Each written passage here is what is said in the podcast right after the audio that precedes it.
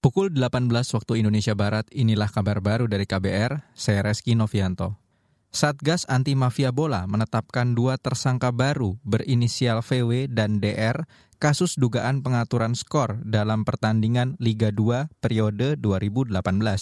Tersangka DR merupakan pengurus klub Y, sedangkan VW merupakan pemilik klub sepak bola yang diduga berperan sebagai penyandang dana DR sekaligus pelobi wasit. Ketua Satgas Anti Mafia Bola, Asep Edi Suheri mengatakan, keduanya diduga menyuap wasit agar klub Y bisa naik ke divisi yang lebih tinggi, yakni Liga 1. Pengembangan perkara dan pemeriksaan saksi-saksi tambahan pada minggu lalu telah dilakukan gelar perkara dan menetapkan dua orang tersangka kembali yang berperan sebagai pemberi suap ya dua orang tersangka yang berperan sebagai pemberi suap atas nama tersangka VW dan DR. Ketua Satgas Anti Mafia Bola Asep Edi Suheri menambahkan, guna melengkapi berkas penyidikan, timnya telah memeriksa 16 saksi dan menyita barang bukti berupa rekening koran dan bukti transfer. Sebelumnya, Satgas Anti Mafia Bola telah menetapkan enam tersangka dalam kasus pengaturan skor pada pertandingan klub X dan klub Y. Total saat ini ada delapan tersangka, dengan salah satunya masih diburu polisi. Kita ke informasi lain. Bekas Menteri Pertanian Syahrul Yasin Limpo akan memenuhi panggilan penyidik Komisi Pemberantasan Korupsi KPK besok. Hal itu diungkap kuasa hukum Syahrul, Febri Diansyah, melalui keterangan tertulisnya. Febri menegaskan kliennya siap menjalani proses hukum di lembaga anti rasuah.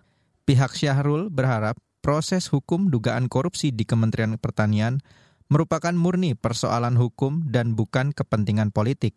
Dalam kasus ini, KPK resmi menetapkan tiga tersangka, yaitu bekas mentan Syahrul Yasin Limpo, Sekjen Kementan Kasdi Subakyono, serta Direktur Alat dan Mesin Pertanian Kementan Muhammad Hatta. KPK menduga uang hasil korupsi yang dinikmati para tersangka mencapai 14 miliar rupiah. Beralih ke informasi lain, Kementerian Koordinator Bidang Pembangunan Manusia dan Kebudayaan Kemenko PMK menegaskan pentingnya intervensi yang kuat dalam perbaikan mutu pendidikan di Papua. Asisten Deputi Pendidikan Anak Usia Dini, Dasar, dan Menengah Kemenko PMK, Jazirai Hartoyo mengakui saat ini mutu pendidikan di sana masih lemah akibat kurang optimalnya tata kelola pendidikan serta minimnya guru dan juga yang ketiga adalah ketidaksesuaian uh, paradigma pendidikan dan kesadaran masyarakat. Uh, untuk itu perlu dilakukan intervensi baik dalam ranah proses pembelajaran, penguatan guru maupun penguatan tata kelola bidang pendidikan. Uh, pemenuhan sarana pendidikan yang terstandarisasi, kemudian pengembangan kurikulum lokal yang kontekstual dalam uh, dengan memperhatikan tipologi wilayah tanah Papua serta pengembangan sekolah berasrama misalnya itu merupakan salah satu bentuk intervensi yang harus dilakukan. Asisten Deputi Pendidikan Anak Usia Dini, Dasar, dan Menengah Kemenko PMK, Jazirai Hartoyo mengungkapkan, saat ini sudah ada peraturan terkait percepatan pemenuhan guru di Papua yang termaktub dalam Permendikbud Ristek.